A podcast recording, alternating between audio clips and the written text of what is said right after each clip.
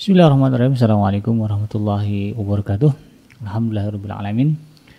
Allahumma salli ala Sayyidina Muhammad wa ala ali Sayyidina Muhammad amma ba'd. Alhamdulillah uh, kembali berjumpa di udara di gelombang 94 time Aidrim Radio Successful Muslim Family dalam program ngaji from home dan seperti biasa kita akan mendengarkan sambungan uh, kajian dari guru kita yaitu Al Ustaz Abdullah Haidir LC yang insya Allah pada kesempatan kali ini akan uh, menyambung kajian tafsir tentang surah Yasin dan insya Allah kita akan masuk uh, dalam ayat yang ke-45 hingga ayat yang ke-59 dengan rujukan tafsir jalan lain. Dan untuk itu bagi Anda sahabat Adrim Radio yang sudah uh, menanti program ini dan ingin nanti berdiskusi, uh, berdiskusi dengan guru kita terkait dengan tema yang dibahas, uh, silakan Anda bisa uh, bergabung bersama kami baik melalui nomor WhatsApp di 0822 9381044 atau juga uh, bagi Anda yang mendengarkan kita melalui channel YouTube ya, Anda bisa langsung menulis uh, pertanyaan di kolom komentar. Dan sebagai informasi bagi Anda, acara ini terselenggara atas kerjasama antara iDream Radio dan iDream TV beserta dengan Kazwa, platform pembiayaan secara online dan juga Biro Umroh dan Haji Khusus Patra yang telah berdiri sejak tahun 1995. Dan tidak berlama-lama, kita akan menuju kepada guru kita Al-Ustadz Abdullah Haidir LC yang insya Allah akan membahas tema tentang tafsir surah Yasin ayat yang ke-45 hingga ayat yang ke-59 dengan referensi tafsir Jalalain. Kepada beliau saya persilakan. Tafadhol. Assalamualaikum warahmatullahi wabarakatuh. Waalaikumsalam. Bismillahirrahmanirrahim. Alhamdulillahi rabbil alamin wassalatu wassalamu ala sayyidina Muhammadin wa ala alihi wa ashabihi ajma'in amma ba'd. Allahumma 'allimna ma yanfa'una wanfa'na bima 'allamtana. Allahumma zidna ilman nafi'a wa amalan mutaqabbala. Sahabat Edream di mana saja berada, semoga kita selalu berada dalam perlindungan Allah, dalam kasih sayang Allah dan dalam uh, ridho dan barokah dari Allah Subhanahu wa taala. Uh, kita akan melanjutkan kajian kita ya, membahas tafsir surat Yasin dengan referensi dan rujukan dari kitab tafsir Al-Jalalain ya. Uh, kita sampai pada pembahasan ayat 45 dan seterusnya ya A'udzu billahi minasyaitonir rajim Bismillahirrahmanirrahim. Wa idza qila lahum ittaqu ma baina aydikum wa ma khalfakum la'allakum turhamun. Wa idza qila lahum anfiqu mimma razaqakumullah. Qala alladhina kafaru lil ladzina amanu anut'imu man law yasha'allahu at'ama in antum illa fi dhalalim mubin. Ma ta'tihim min ayatin min ayati rabbihim illa kanu anha mu'ridin wa idza qila lahum jika dikatakan kepada mereka ittaqu ma baina aydikum eh, ittaqu ma baina aydikum ya, takutlah kalian dengan apa yang ada di hadapan kalian ya. di sini oleh al mufassir Eh, dinyatakan yang dimaksud adalah baina aidikum min adzabid dunya ka ghairihim. Dari azab dunia seperti selain mereka. Ya, jadi yang ingin Allah katakan kepada kaum yang menentang dan tidak beriman eh, kepada seruan dakwah para nabi untuk beriman kepada Allah, ya, takutlah akan azab siksa dunia yang sudah menimpa umat sebelum kalian atau umat selain kalian. Ya, cukuplah mereka sebagai contoh sebagaimana ayat-ayat sebelumnya pun Allah sudah ingatkan ya orang-orang kafir Quraisy ya melalui Rasulullah Sallallahu Alaihi Wasallam bahwa umat-umat terdahulu sudah mengalami ya siksaan dan adab dari Allah akibat penentangan mereka terhadap para rasul untuk beriman kepada Allah. Ya, ma baina aidikum wa ma khalfakum. Dan juga apa yang ada di belakang mereka. Apa yang dimaksud wa ma khalfakum oleh mufasir dikatakan min adzabil akhirah. Ya, dari azab akhirat. Di dunia sudah terjadi ya, akibat dari pembangkangan untuk beriman Di akhirat sudah pasti kalau dia tidak beriman, maka Allah ingatkan takutlah kalian akan siksa Allah, azab dari Allah baik di dunia maupun di akhirat. La'allakum turhamun. Ya, agar kalian mendapatkan kasih sayang Allah. Ya, kalau kalian kembali kepada Allah walaupun sebelumnya telah melakukan berbagai macam kekufuran, kemusyrikan, berbagai macam kemunkaran, apa pun yang kalian lakukan, kalau kalian kembali kepada Allah, kalau kalian beriman kepada Allah, maka kalian akan mendapatkan rahmat rahmat Allah. Ya. Uh, tapi di sini nyatanya sudah dikasih tahu seperti itu, mereka membangkang a'radu. Ya, ini dikatakan sebagai jawaban ya, dari uh, penjelasan bahwa ketika mereka sudah disampaikan ya uh, agar mereka takut kepada Allah, ya, dari azabnya baik di dunia ataupun nanti di akhirat ya agar mereka dapat kasih sayang Allah sudah dibuka kesempatan itu untuk mendapatkan kebaikan dari Allah. Tapi tetap saja ya, ketika hati sudah terliputi oleh uh, apa kekufuran kesesatan ya sudah kita katakan kemarin wasawaun alaihim tahum amlam tundirhum la yu'minun nah, nyatanya mereka mereka memang a'radu mereka berpaling mereka tidak menerima ajakan dan seruan ini Kemudian Allah katakan lagi wa idza qila lahum anfiqu mimma razaqakumullah. Dikatakan lagi kepada mereka. Ya, mereka ini maksudnya siapa? Orang-orang kafir Quraisy ya, orang-orang kafir pada masa Rasulullah di awal-awal dakwah. Ya. Infakkan apa yang telah Allah rizkikan kepada kalian. Wa idza qila ay yang mengatakan demikian siapa? Ketika dikatakan pada mereka qala fuqara'us sahabah Eh, orang fakir dari kalangan sahabat. Ya, jadi uh, memang pada masa-masa dakwah awal permulaan dakwah Rasulullah, kebanyakan yang menerima dakwah Rasulullah adalah para sahabat yang fakir, yang miskin, kalangan masyarakat bawah. Ya, maka ya selayaknya mereka pun kadang butuh ya tuntutan ekonomi, akhirnya mereka minta ya kepada eh, orang-orang uh, musyrikin Mekah yang sebagian adalah orang-orang kaya, orang-orang berpunya. Ya, maka mereka datang kepada orang tersebut dan minta bantuan ya, anfiku alaina maksudnya, infakkan kepada kami, bersedekahlah kepada kami. Mimma razaqakumullah dari apa yang telah Allah rizkikan kepada kalian minal amwal dari harta. Ya, harta yang telah Allah rizkikan pada kalian, ya, tolong bantu kami. Apa jawaban orang-orang kafir ketika dikatakan demikian? Nah, ini jadi kesempatan bagi mereka untuk memojokkan orang-orang yang beriman. Ya, untuk memojokkan orang-orang yang telah menyambut dakwah Rasulullah SAW untuk beriman. Qala alladzina kafaru. Berkatalah orang-orang kafir. Lilladzina amanu. Kepada orang yang beriman. Kepada para sahabat tadi. Yang miskin. Istihzaan bihim. Sebagai sikap melecehkan. Menghina, merendahkan Anut'imu mallau yasha'ullahu at'amah. Ya, ya, dengan nada yang mengejek, ya, mereka mengatakan, apakah kami akan memberi makan kepada orang yang apabila Allah berkehendak, Allah bisa memberi makan kepada mereka. Kenapa kalian minta kepada kami? Bahasanya begitu ya. Minta sama Allah. Kalau Allah mau, Allah kan bisa berikan kalian makan. Kenapa minta sama kami? Begitu. Fi mu'taqadikum. Ya mani orang-orang kafir. Kan keyakinan kalian ya dalam mu'taqadikum dalam keyakinan kalian Allah kan maha kuasa. Allah yang memberi rizki. Kalau Allah mau Allah beri kalian rizki. Begitu ya rizki. Ya ini lagi-lagi ungkapan istihza ya merendahkan orang yang beriman ya sambil ya menghidupkan keragu-ragu keragu-raguan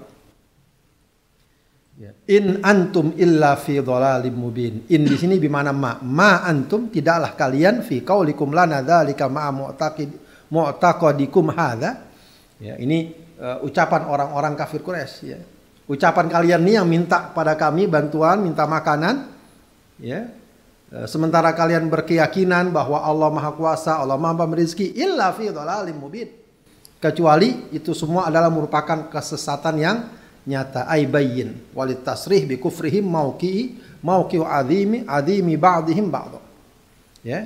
ya jadi untuk uh, apa nama uh, untuk menjelaskan memperkuat kekufuran mereka ya uh, tentang uh, apa namanya uh, kedudukan uh, mereka yang merasa besar ya merasa agung satu sama lain. Ya artinya uh, jadi malah kebalik ini ya. Orang yang sebenarnya sesat malah menganggap orang yang beriman kepada Allah sesat gitu ya. Begitulah syubhat pemikiran ya. Bisa jadi menjungkir balikan memutarbalikan fakta. Ketika dengan logika dan retorika yang mereka kembangkan ya, seakan-akan oh iya ya kalau kalau seandainya orangnya lemah bisa jadi oh iya. Kalau Allah benar-benar memberi rezeki kenapa nggak kasih rezeki kepada orang miskin? Ya. kenapa harus mengharapkan bantuan dari orang kaya? Begitu ya. Ya ini gambaran ya dari uh, penentangan dan kekufuran mereka ya, yang uh, menolak untuk memberikan rizki, memberikan sodakoh kepada orang-orang miskin. Ya, uh, dengan pemahaman dan syubhat seperti itu. Kalau Allah mampu, Allah maha pemberi kenapa Allah tidak berikan makan orang-orang yang miskin tadi? Ada riwayat yang lain bahwa sebab turunnya juga terkait dengan Abu Bakar As-Siddiq yang memberi makan beberapa orang-orang miskin lalu di hina oleh orang-orang kafir Quraisy. Kamu kok kasih makan orang miskin? Kamu sedekah pada mereka. Padahal kalau Allah kuasa, Allah berikan makanan kepada mereka. Begitu ya. Maka Allah turunkan ayat ini wa idza qila lahum anfiqu mimma razaqakumullah qala alladziina kafaru lil ladziina amanu anut'imu man law yasha'allahu at'amah in antum illa fi dhalalim mubin. Adapun keyakinan kita orang yang beriman tentu saja bahwa ya Allah Maha pemberi rezeki. Ya, tapi ketika Allah memberikan rezeki kepada hambanya, sebenarnya ada yang Allah titipkan kepada orang yang mampu. Ya, agar orang mampu tersebut menyalurkannya kepada orang-orang yang miskin. Wa fi amwalihim haqqum ma'lum lis-sa'ili wal mahrum. Pada setiap harta mereka ada hak yang telah ditetapkan untuk mereka-mereka yang membutuhkan, meminta-minta atau terhalang minta tapi juga membutuhkan. Ya, sebenarnya Allah titipkan rizki itu kepada orang yang mampu untuk disalurkan baik dalam bentuk zakat, sodako, infak dan semacam dan semacamnya. Kemudian Allah katakan wa ma ta'tihim min ayatin min ayati rabbihim illa kanu anha mu'aridin. Ma ta'tihim. Ya, tidaklah datang pada mereka ya uh, berbagai tanda min a, min ayatim min ayati rabbihim. Ya, di antara para ulama mengatakan min di sini adalah zaidah tambahan ya maksudnya wa ma ta'tihim ayatum min ayati rabbihim tanda dari tanda-tanda Tuhan mereka illa kanu anha mu'ridin ya kecuali mereka semuanya berpaling dari semua itu. Ya, jadi apa saja bukti yang datang pada mereka yang sebenarnya seharusnya sudah cukup bagi mereka untuk beriman kepada Allah illa kanu anha mu'ridin mereka berpaling semua. Ya tidak ada yang membuat mereka tunduk. Siapa? Mereka-mereka yang hatinya sudah tertutup oleh kekufuran oleh kemusyrikan ya tidak menerima keimanan yang datang dari luar dan tidak dapat mengeluarkan kekufuran dan kemusyrikan yang sudah bersemayam dalam hati mereka. Ya, semoga Allah jauhkan kita dari sifat seperti ini. Ya, mungkin saja kita salah, mungkin saja kita nggak tahu, mungkin saja kita kurang, tapi kita selalu berusaha untuk menerima kebaikan, menerima perbaikan, selalu berusaha untuk muhasabah, mengevaluasi. Ya, jika memang itu baik dan benar dari Allah, kita terima. Ya, walaupun boleh jadi mungkin bertentangan dengan apa yang sudah diyakini sebelumnya atau dilakukan sebelum sebelumnya. Baik. Wa yaquluna mata hadzal wa'du in kuntum shadiqin. Ya. Masih lagi nih berlanjut tentang sikap-sikap mereka.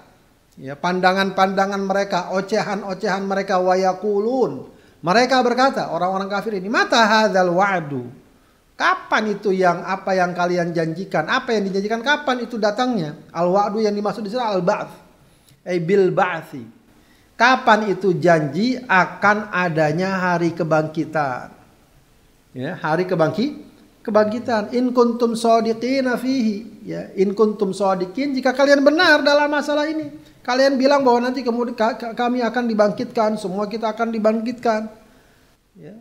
Ya, di antara yang ditentang oleh orang kafir Quraisy memang adalah hari kebangkitan. Itu perkara yang mereka tentang. Mereka ingkari. Yang mereka yakini adalah bahwa kami hidup mati sudah mati begitu saja. Ya, maka dikatakan dalam surat At-Taghabun za'amal ladzina kafaru alla yub'atsu. Orang kafir itu ya meyakini bahwa mereka nggak bakal dibangkitkan. Ya. Nggak bakal dibangkit, dibangkitkan padahal dalam Al-Qur'an banyak sekali ayat-ayat yang menunjukkan bahwa manusia pasti akan dibangkitkan. Surat Yasin ini sendiri salah satu kandungan yang e, besar, ya, salah satu penekanan yang besar adalah keyakinan akan datangnya hari kebangkitan. Bahwa itu adalah sesuatu yang hak dan pasti akan terjadi. Tapi orang-orang kafir Quraisy dan orang-orang kafir siapa pun banyak yang menolak adanya hari kebangkitan. Bahkan mereka menantang, "Mata hadzal wa'du in kuntum shadiqin?" Maka Allah Subhanahu wa taala katakan, "Ma yanzuruna illa sayhatan wahidatan ta'khudhuhum wa hum yakhissimun." Ma yanzurun ay yantadhirun. Yanzurun di sini maknanya bukan melihat tapi yantadhirun. Mereka tidak perlu menunggu ya. Tidak perlu menunggu, ya, nggak perlu menunggu lama illa sayhatan wahidah kecuali satu teriakan wahia nafkhatu Israfil al-ula. Ya. Ya, yaitu tiupan sangkakala oleh malaikat Israfil. Tiupan pertama sangkakala oleh malaikat Israfil. Jadi ayat ini menjelaskan bahwa sebagaimana banyak disebutkan dan sering sudah kita diajarkan ya bahwa menjelang hari kiamat itu akan terjadi dua tiupan sangkakala. Ya, tiupan yang pertama, malaikat yang dilakukan oleh malaikat Israfil, tiupan pertama akan membinasakan, mematikan semua e, manusia di muka bumi. Ya, dan meskipun kita anggap itu lama-lama, ya, akan tapi ketika kejadian tiba sudah, ya seakan-akan semuanya terjadi begitu cepat. Ya. Manusia yang dahulu hidup merasa lama, ya, dalam surat An-Nazi'at ya, dikatakan apa? uh, apa dalam akhir surat An-Nazi'at uh, la yalbathuna illa asyiyatan auduhaha. Ya, mereka tidak tinggal di dunia cuma sepagian atau sesorean saja ya, atau sepagian atau sesorean saja. Ya. Jadi Allah pastikan ya nggak pakai lama gitu ya Sebentar lagi akan ada apa? Tiupan sangkakala pertama dari malaikat Israfil illa sayhatan wahidah. Ya. Ta'khudhuhum wa hum yakhissimun. Yang akan mengambil kalian, yang akan mematikan kalian, membinasakan kalian. Ya, wa hum yakhissimun. Bitasydid. Ya.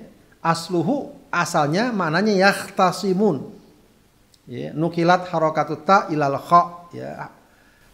Taknya dipindahkan e, ke huruf kha wa udghimat fis lalu dimasukkan ke dalam huruf sod huruf sod ya. Yahtasimun jadi yakhissimun.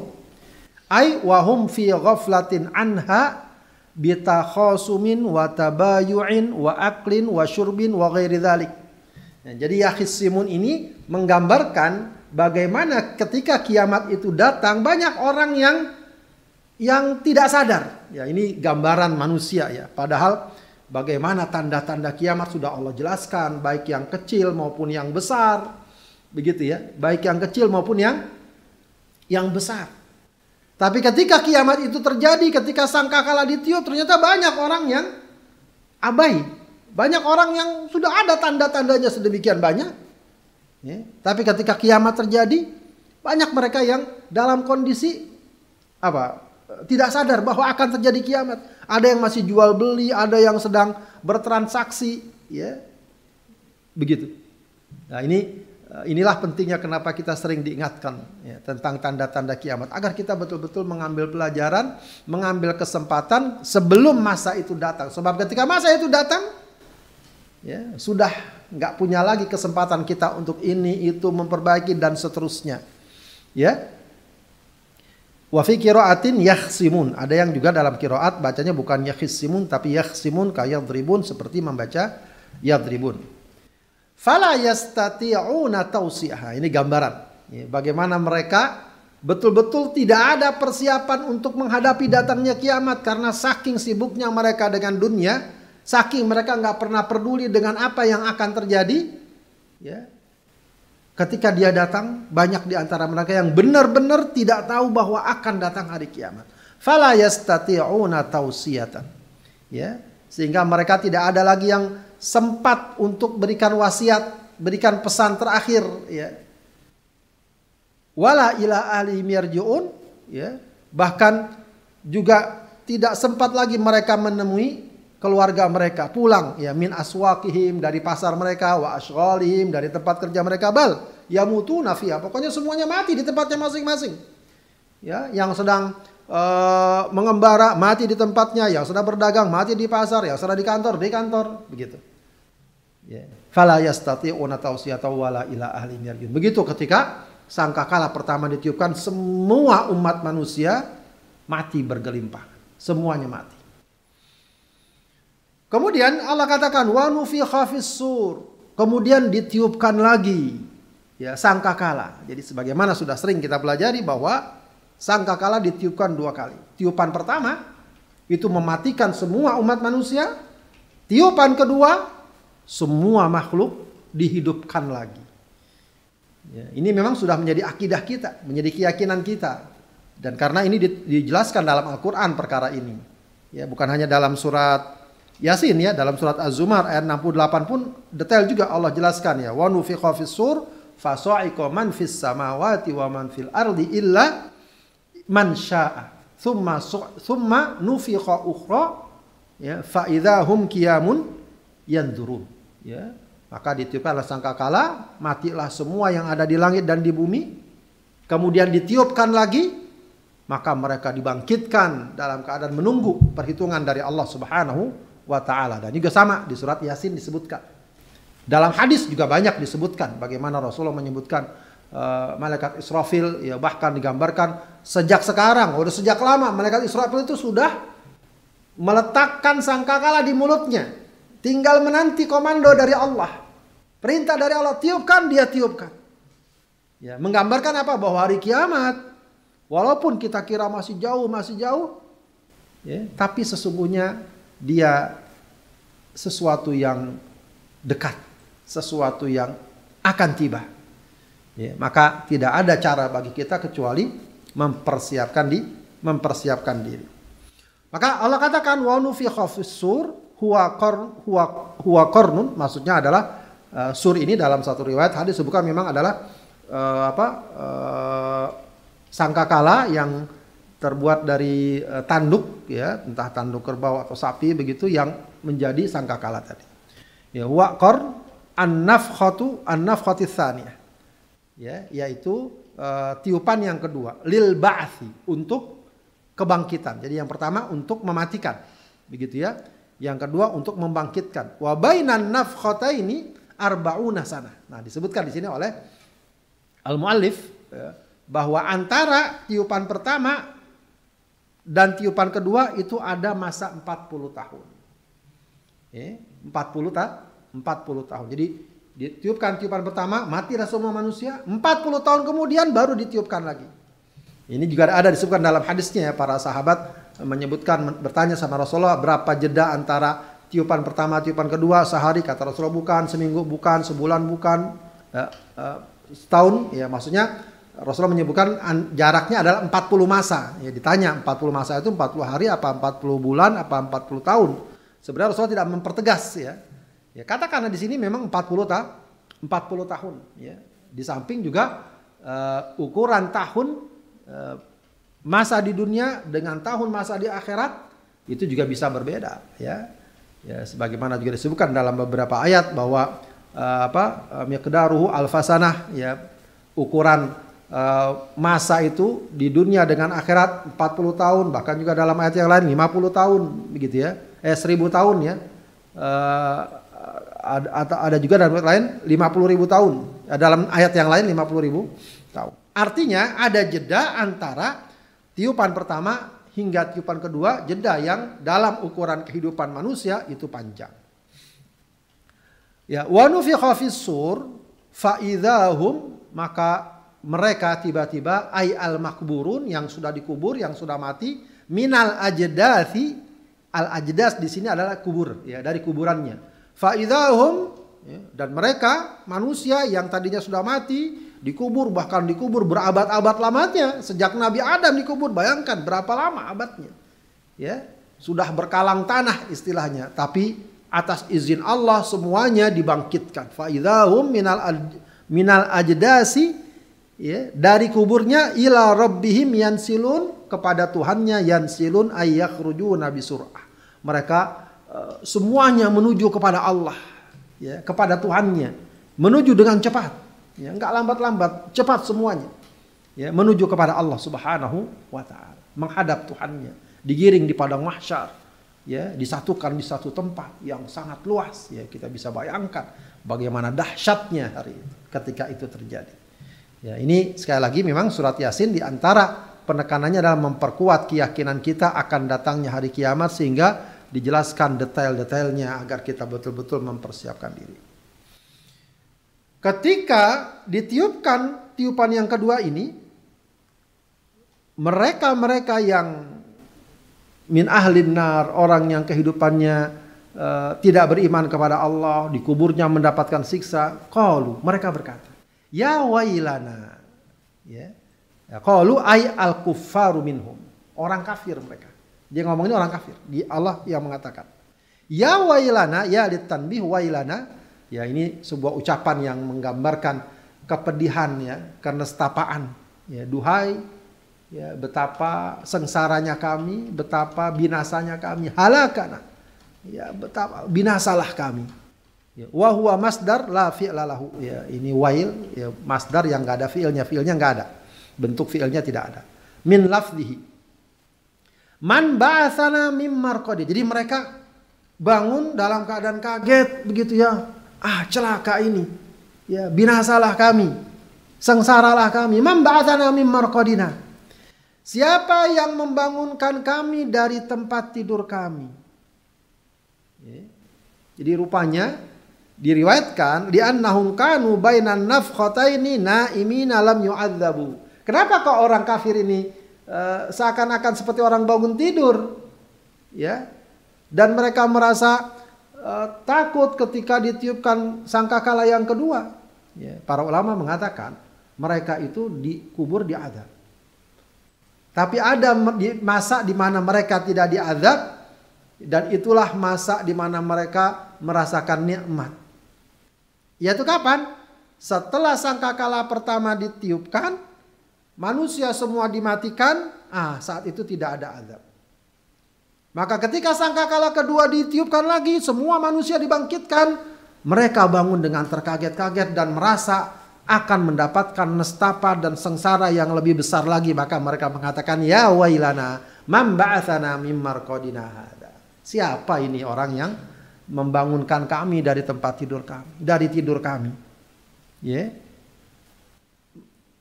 Mimmar kodina ya. Man ba'athana mimmar kodina. Hada eh, hada ay apa maksudnya hada ini? Ini ay al ba'ath. Kebangkitan ini ma wa'adar rahman wa sadaqal mursalun. Kebangkitan ini adalah janji ar-Rahman ya, janji Allah subhanahu inilah janji Allah. Ya kan sudah disampaikan dari dulu.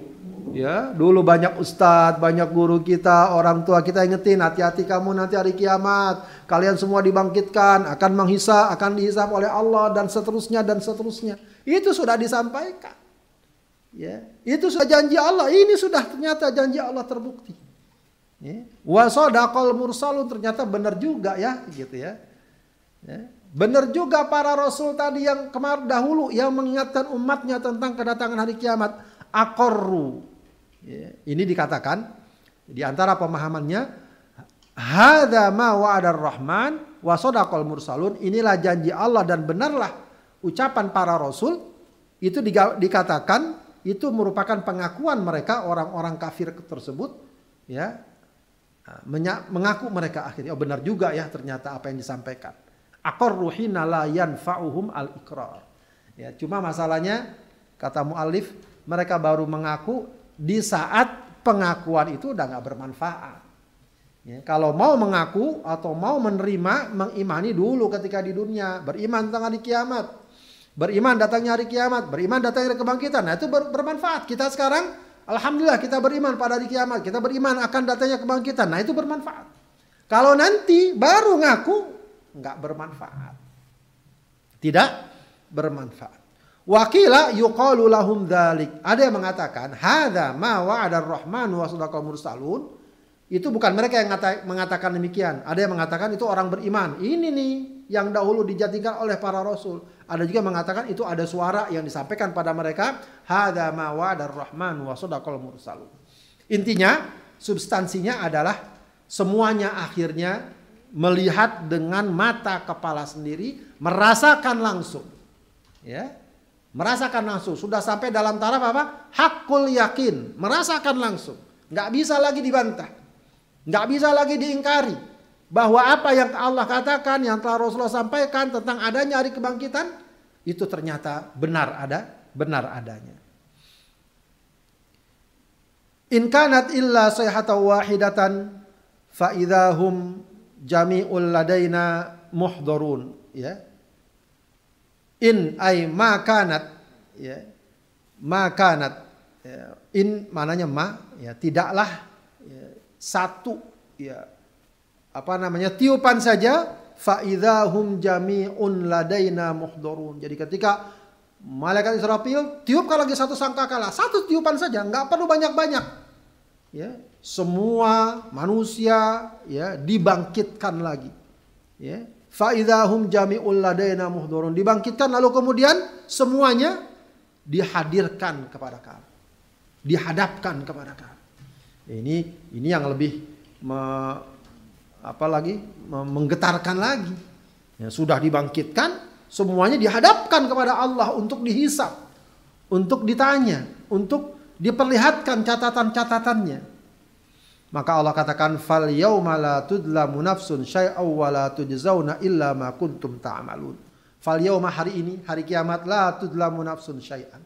Tidak ada satu jiwa pun yang dizalimi wala tujzauna illa ma kuntum ta'malun dan mereka tidak dibalas ya illa ma kuntum ta'malun kecuali atas atau sesuai apa yang telah mereka perbuat jazaan sebagai balasan atas mereka ya kalau baik dapat balasan kebaikan kalau buruk dapat balasan keburukan tidak ada yang dizalimi tidak ada yang misalnya entah karena kedudukannya karena nyogok karena apa karena apa yang tadinya tidak mendapatkan apa-apa jadi mendapatkan apa-apa. Tidak, baik kebaikan atau keburukan.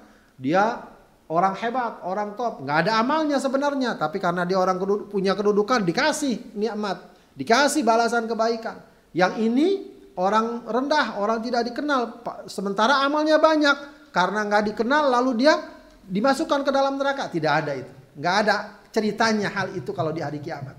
Itu di dunia mungkin terjadi. Tapi di hari kiamat Allah sudah nyatakan fal yauma la tudlamu nafsun syai'an wa la tujzauna illa ma kuntum ta'malun.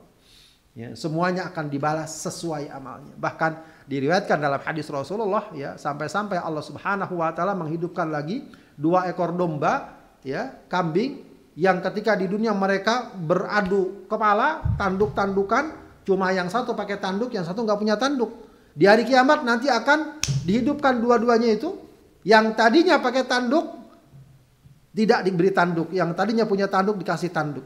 Lalu mereka beradu lagi agar eh, apa berlaku sudah keadilan Allah bagi bagi makhluknya meskipun hewan tidak ada hisapnya ya tidak ada balasan bagi mereka kemudian Allah Subhanahu wa taala ya ketika sudah menjelaskan sedikit banyak ya gambaran-gambaran orang kafir dan akibatnya yang setidaknya sudah jelas ya bagaimana jalan yang akan mereka tempuh di hari kiamat. Allah mengajak kita untuk melihat uh, gambaran yang lain yaitu tentang ahli surga, tentang kenikmatan yang akan mereka rasakan. Beginilah Al-Quran, sering kali dalam Al-Quran ketika menjelaskan tentang ahli neraka, Allah jelaskan juga tentang ahli surga. Ketika menjelaskan tentang betapa siksaan yang tidak terkira dari penghuni neraka, Allah jelaskan kenikmatan yang tidak terkira dari penghuni surga. Agar apa? Agar hidup ini memang selalu hadir dalam diri kita perasaan takut ya akan azab Allah. tapi juga perasaan harap ya akan nikmat dan balasan dari Allah. Jadi al khauf war roja itu hendaknya selalu uh, hadir dalam uh, kehidupan kita. Allah katakan, "Inna ashabal jannah," sesungguhnya penghuni surga al yaum hari ini di hari kiamat. Ya, di saat semua manusia sudah dihisab, ditimbang, dicatat, ya melewati sirat lalu jelas mana penghuni neraka, mana penghuni surga. Allah katakan penghuni surga hari ini fi syugulin, ya, fi syugulin fakihun. Syugul bisukunil ghain ya, bisa dibaca syuglin wa dhammiha. Bisa dibaca dhamma fi syugulin ya kalau yang biasa kita baca dalam mushaf-mushaf kita adalah dibaca dhammah fi syugulin. Ya. Syugul maksudnya apa? Amma fihi ahlun nar. Ya. Jadi mereka itu jangan dikira nanti orang ahli surga jadi kebayang terus, kepikiran terus ya di gimana orang di neraka disiksa, ada saudara saya, ada siapa, ada siapa. Allah katakan inna ashabal jannatil yauma fi syugulin. Mereka udah sibuk dengan kenikmatan-kenikmatan yang mereka rasakan di surga sehingga tidak terpikirkan bagi mereka penderitaan ahli neraka. Ahli neraka. Ya mimma yataladzadzuna bihi kaftidadil abkar ya. dari dengan apa kenikmatan yang telah mereka rasakan lezatnya ya kaftidadil abkar ini kaitan dengan masalah uh, apa namanya uh, dengan bidadari mereka sudah asyik dengan kehidupannya begitu ya. La syugla yat'abuna fihi. Ya. ini bukan fi syugulin di sini bukan maknanya uh, apa namanya uh, sibuk yang kalau kita kan di dunia gambarnya kalau orang sibuk apa? Capek ya. Letih banyak pikiran gitu ya. Syugul ya. Masgul kalau orang Arab bilang ya. Bukan itu maknanya kata muallif ya. Bukan itu maknanya. Sebab apa? Sebab di di di, di, di surga ya li'anna jannata la nasaba fiha ya karena di surga tuh nggak ada yang namanya capek letih banyak pikiran ya kemudian termigren ter apa begitu tidak ada Ya, kalau di dunia syugul itu memang begitu. Orang sibuk banyak pikiran ya padahal duitnya banyak tapi pikirannya banyak. Ya, kadang-kadang sampai sakit, kadang-kadang sampai stres dan seterusnya. Syugul di sini maknanya bukan itu. Syugul di sini saking asyiknya mereka menikmati kenikmatan surga, mereka nggak lagi berpikir tuh gimana tadi neraka, aduh kesian mereka ini mereka tidak. Ya, sebab kalau seandainya hal itu terjadi, kenikmatan surga akan berkurang. Kenikmatan surga akan akan berkurang. Begitu ya. Fakihun, ya, fakihun ini bukan bukan fakihah ya buah-buahan ya. Fakihun ay naimun. Mereka nikmat, sejahtera gitu ya. Khobar thani li awal fi syugul ya. Ini jadi khobar yang kedua. Khobar pertamanya syugul, fi syugul. Ya. Inna ashabal jannata, inna ashabal jannati. Ya ini inna ashabal jannatil yauma. Itu mubtada ya atau isim inna. Khobarnya fi syugul fakihun. Ya, khobar pertama fi syugul fakihun khobar kedua kedua. Begitu ya. Hum wa azwajuhum. Ya mereka ini gambarannya penghuni surga. Indah ya. Hum mereka penghuni surga. Wa azwajuhum. Ya, jadi bukan wa zaujatuhum hum wa azwajuhum mereka dan istri-istri mereka ya mereka dan uh, istri-istri mereka banyak banyak ya ya wa azwajuhum Ya, ini gambaran kenikmatan mereka fi zilal. Zilal jamak dari zullah. Zullah itu naungan ya. Jadi mereka bersama istrinya berada di bawah naungan ya, entah pohon, entah apa. Pokoknya biasanya indah lah ya, ya. Uh, Audil uh, khobar ay la tusibuhum asyams ya. Atau juga ada yang mengatakan uh, zil di sini uh, bukan sesuatu yang menaungi tapi uh, sebagai gambaran atau berita bahwa mereka nggak kena sinar matahari. Artinya mereka uh, tidak sampai kepanasan lah ya. Adem ya duduk-duduk sama istri-istrinya. Di mana duduknya alal aroiki. Aroik jama dari arikah. Arika itu adalah kayak kita sekarang tuh dipan ya. Fil hajlah awil furush fiha. Ya di kamar ya di ruangan ya. Jadi ada dipan-dipan, bangku-bangku, lalu mereka duduk-duduklah di sana. Muttaqiun ya. ya. Muttaqiun pun gambaran mereka apa? Santai ya sambil bersandar ya, sambil uh, apa bahasa kita selonjoran gitu ya. Nah, itu gambaran gambaran orang apa? Gambaran orang yang santai, yang tenang, yang senang begitu. Itulah gambaran tentang ahli surga. Mereka duduk sama istri-istrinya di dipan-dipan, di bangku-bangku, tidak kepanasan, ya atau ada naungan yang menaungi mereka begitu ya dalam keadaan santai ringan. Lahum fiha fakihatu wa lahum ma yaddaun. Ya, bagi mereka lahum fiha fakihah, mereka baru di sini fakihah mananya, bukan kalau tadi uh, fakihin ya. Ini fakihah. Mereka mendapatkan buah-buahan. Ya, walahum ma yaddaun. Ya, bukan cuma buah-buahan, walahum dan bagi mereka fiha aifil jannah ma yaddaun. Ya. Yaddaun di sini maknanya bukan mengaku-ngaku idda yaddai. Itu namanya bisa mengaku, ya atau uh, me, menuduh gitu ya. Yaddaun di sini maknanya yataman naun. Yataman naun artinya angan-angan. Jadi mereka dikasih buah-buahan yang tentu saja buahan yang sangat lezat, sangat nikmat dan mereka akan diberikan apa yang menjadi angan-angan mereka. Kalau kita kan di dunia banyak nih angan-angannya, ya. tapi banyak yang kesampaian. Ya. Kalau di sana tidak angan-angan, Allah kasihkan. Walahum fiha ma. Ya. Apa yang mereka angan-angankan. Salamun. Ya. Salamun mubtada. Kaulan aibil kauli khobaruhu. Ya. Uh, apa namanya? Uh, selamat ya, keselamatan bagi mereka. Ya. Kaulan ya, ucapan mir rabbir rahim ya, dari Rabb Tuhan yang Maha Penyayang bihim kepada mereka ayyaqulu maksudnya adalah Tuhan mereka Allah Subhanahu wa taala mengucapkan salamun alaikum.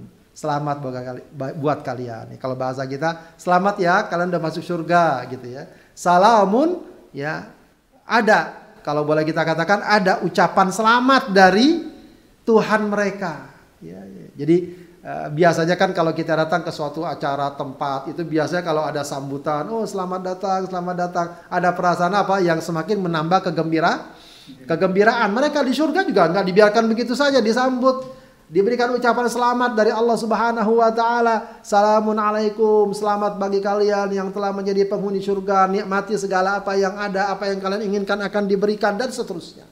Ya, ini sebuah gambaran kenikmatan surga yang tiada terkira. Maka para hadirin sekalian yang dimuliakan Allah, sahabat pemirsa sekalian, ya gambaran-gambaran seperti ini ya, baik tadi ya e, beratnya siksa neraka, e, beratnya akibat dari kekufuran dan kemusyrikan, kemudian nikmatnya ya, buah dari e, nikmatnya sebagai buah dari keimanan, nikmat surga hendaknya membentuk ya sikap, keyakinan dan kepribadian kita bahwa kalaupun kita mendapatkan tawaran-tawaran, ya, iming-iming, walaupun itu betapa kita anggap nikmat, baik, senang, untung, tapi kalau kita perkirakan ini yang dapat menyebabkan saya masuk neraka, ah nggak nggak lagi deh, ya, ya nggak mungkin deh, ya. Walaupun kita senang, apalah artinya kesenangan sesaat, tapi di akhirat ya kesengsaraan dan kecelakaan yang tiada kira. Sementara di sisi lain boleh jadi Ya, karena ingin menghadirkan keimanan, ketaatan, kita harus menanggung berbagai macam resiko, kesulitan, keberatan, kita akan bersabar. Kenapa? Karena nikmat yang telah Allah beritakan kepada kita dalam Al-Quran, nikmat yang tiada terkira. Oke, sekarang kami sulit, kami berat, tapi dengan keimanan yang kita jaga, komitmen dan konsisten, insya Allah akan menghadirkan balasan kenikmatan dari Allah Subhanahu wa Ta'ala.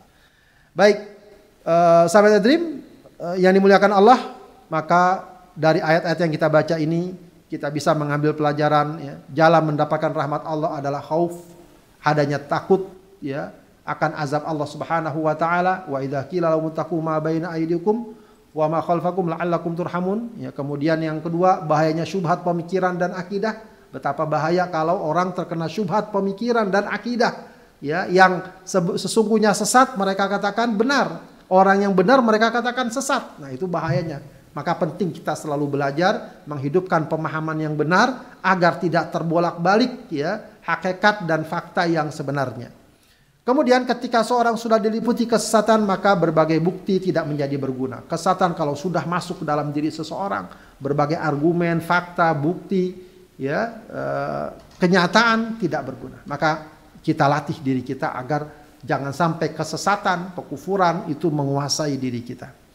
Adanya dua tiupan sangkakala menjelang hari kiamat ini juga merupakan uh, sesuatu yang sudah nyata dan jelas disebutkan dalam Al-Qur'an, dalam hadis ya kemudian bersegera melakukan amal soleh sebelum terlambat. Ya jangan sampai kita baru tergopoh-gopoh baru sadar eh, ketika semuanya sudah tidak berguna.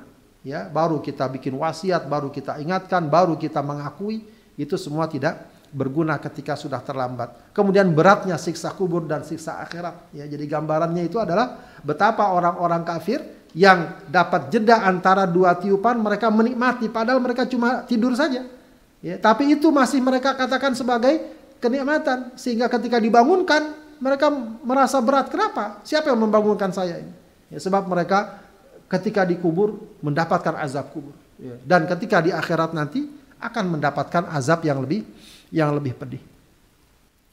Kemudian pengadilan sejati yang tidak ada kezalimannya ada di akhirat. Semua akan mendapatkan balasan yang setimpal. Ya, di dunia pengadilan masih banyak dipermainkan, tapi di akhirat nanti ya.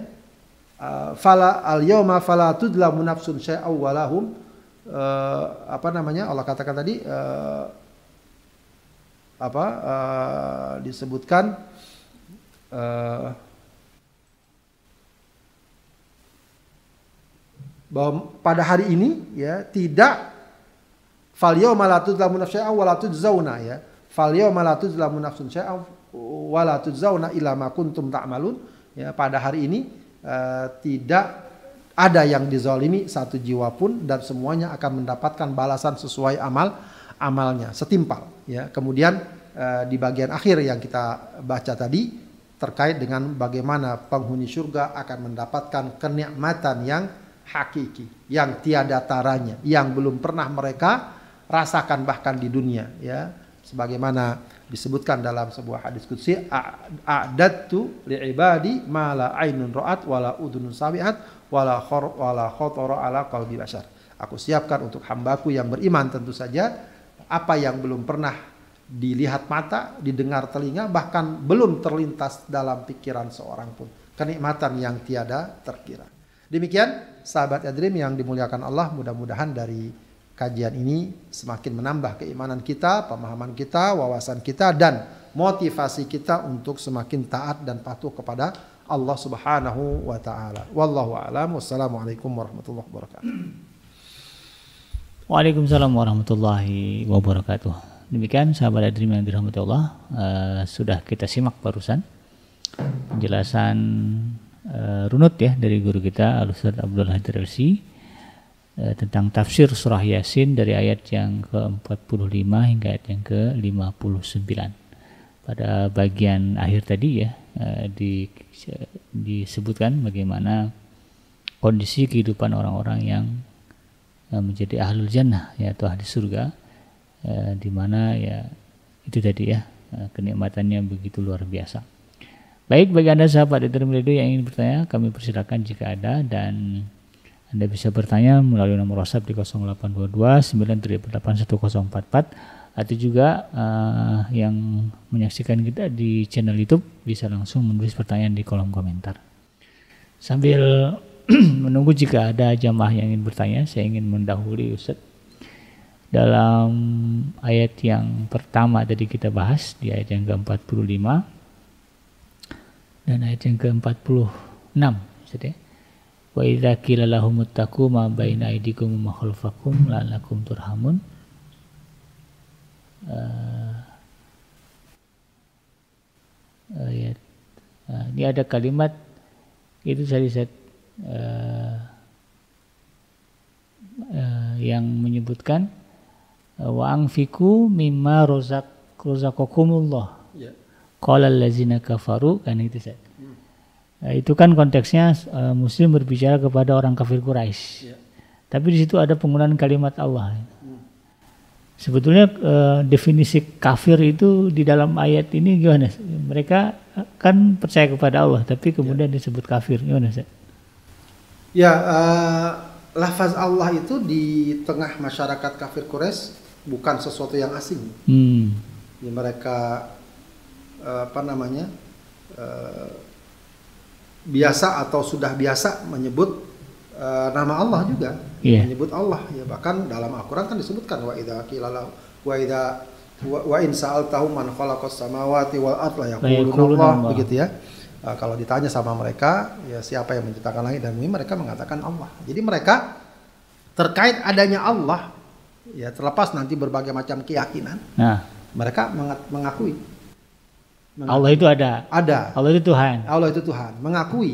Tapi kenapa mereka kemudian dikatakan kufur Kafir, atau ah. musyrik? Karena beribadahnya kepada selain Allah.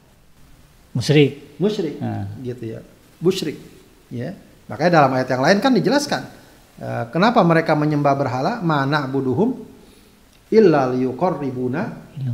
ilallahi zulfa. Kami tidak menyembah berhala kecuali agar berhala-berhala tersebut mendekatkan kami kepada Allah. Jadi konsep bahwa Allah itu ada, Allah itu berkuasa, mereka kenal. Ya, mereka. Tapi yang jadi sumber masalahnya adalah mereka tidak mau beriman kepada, eh, tidak mau beribadah kepada Allah Allah. kepada Allah. Dan itu berarti tidak beriman kepada Allah. Tidak mau mereka meninggalkan itu semuanya. Penyembahan kepada berhala dan seterusnya, ya menganggap ha- apa Latta, Uzza, Manata sebagai berhala mereka yang dapat membuat mereka mendapatkan ini dan itu, ya mem- memberikan manfaat dan mudarat dan seterusnya. Wallahu a'lam. Tapi kan di ayat ini tegas sebenarnya kalau lazina kafaru berkatalah orang kafir artinya di sisi Allah mereka kafir gitu. Ustaz. Ya, sikap seperti itu, sikap bahwa mereka nyembah berhala, ya, sikap bahwa berhala itu dapat memberikan manfaat dan mudarat adalah bentuk kekufuran. Adalah bentuk kekufu, kekufuran. Jadi kekufuran tidak selalu identik dia nggak percaya Tuhan, nggak ada Tuhan, bukan ate, bukan semata ateis. Hmm. Kekufuran adalah eh, sebuah keyakinan bahwa ada selain Allah Subhanahu wa taala yang menghidupkan, yang mematikan, memberikan manfaat, lalu dia bahkan beribadah kepada sesuatu itu itulah kekufuran kepada Allah Subhanahu wa taala. Kalau kita tarik dalam konteks hari ini ada orang-orang begini Ustaz. di zaman sekarang gitu. Zaman sekarang. Ya, dia muslim katakanlah beriba- mengimani Allah Ya. seperti layaknya orang-orang kafir itu tapi kemudian stempel yang Allah berikan kepada mereka kafir juga gitu. Ya secara umum ya. Ah. Ya ada juga ada orang yang percaya adanya Tuhan kan. Iya. Terlepas mereka bilangnya Allah atau bukan ya. Iya iya iya. Pokoknya ada orang yang percaya adanya tuh Coba. Tuhan. Begitu ya. Adanya kekuasaan yang eh, maha kuasa. Ada. Iya. Tapi beribadahnya bukan kepada Allah.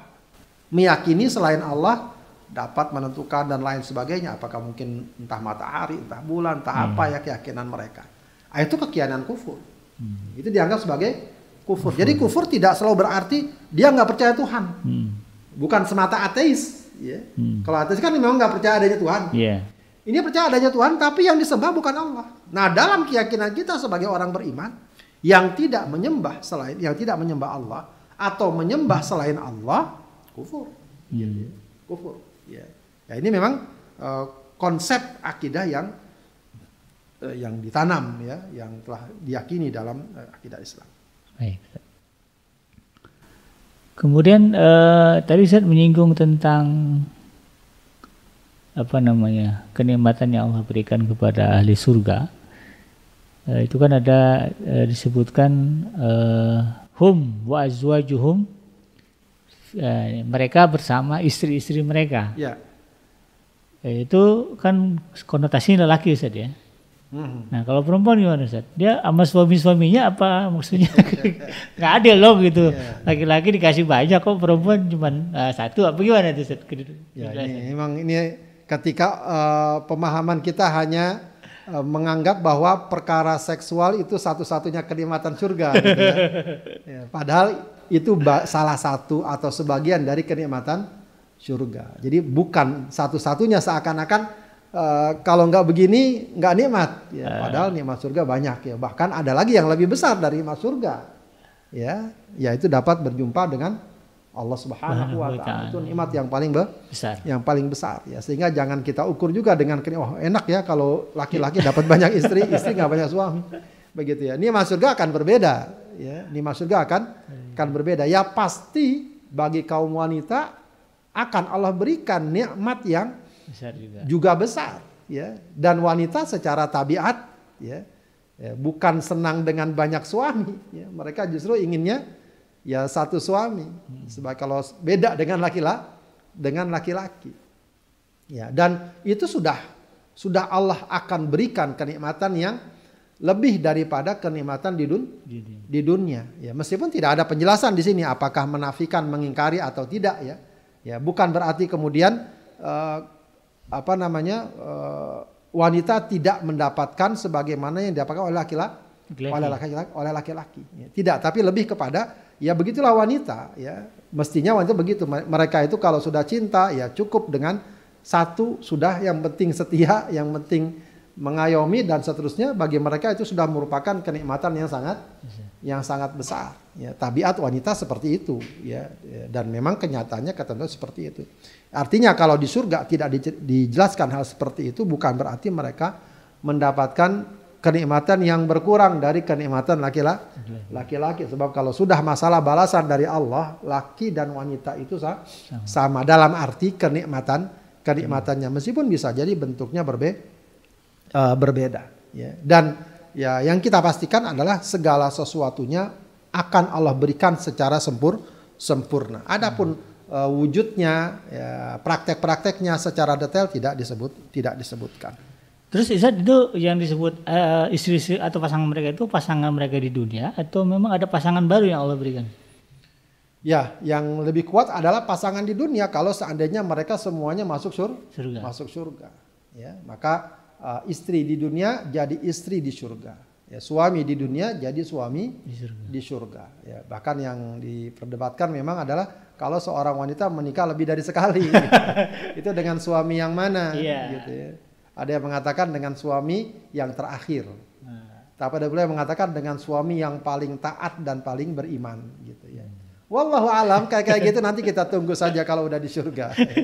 Ya, yang paling penting adalah masuk surga dulu. Kalau udah masuk, insya Allah kita akan mendapatkan nikmat yang sempur sempurna. Ya, dan jawaban dari pertanyaan-pertanyaan yang tadi. baik baik. Uh, baik Ustaz, sepertinya sudah uh, cukup dan sahabat hadir sepertinya sudah paham, tidak ada pertanyaan yang muncul. Dan sebelum kita akhiri, silakan Ustaz memberikan closing statement terkait dengan tema pada hari ini uh, sebagai pesan ya kepada sahabat hadirin sekalian. Silakan Ustaz. Baik, uh, sahabat tadi yang dimuliakan Allah Subhanahu wa taala, alhamdulillah bahwa uh, kita sudah menyelesaikan kajian kita untuk uh, kali ini ya, surat Yasin ya dari ayat 45 sampai 58 tadi ya, bukan 59. Ya, semoga apa yang kita pelajari, pahami, menguatkan keimanan kita, khususnya keimanan kita kepada hari akhir keimanan kita dan keyakinan kita akan adanya balasan dari Allah Subhanahu wa taala sehingga semakin mengokohkan kita untuk istiqomah untuk komitmen di jalan Allah sehingga kita dapat berjumpa dengan Allah dalam keadaan beriman dan bertakwa kepada Allah Subhanahu wa taala. Demikian mohon maaf. Assalamualaikum warahmatullahi wabarakatuh. Waalaikumsalam. Baik sahabat Adrim yang dirahmati Allah tentu sudah kebersamaan kita di kesempatan ini dalam program Ngaji From Home bersama guru kita Ustaz Abdul Haidar Alsi yang baru saja kita dengarkan pembahasan mengenai tafsir surah Yasin ayat yang ke-45 hingga ayat yang ke-59. Saya Bikenji beserta kurang bertugas pamit undur dari ruang dengar Anda. Mohon maaf atas segala kehilapan dan kekurangan. Subhanaka Allahumma rabbana wa bihamdika asyhadu an la ilaha illa anta astaghfiruka wa atubu ilaik. Walhamdulillahirabbil alamin. Assalamualaikum warahmatullahi wabarakatuh.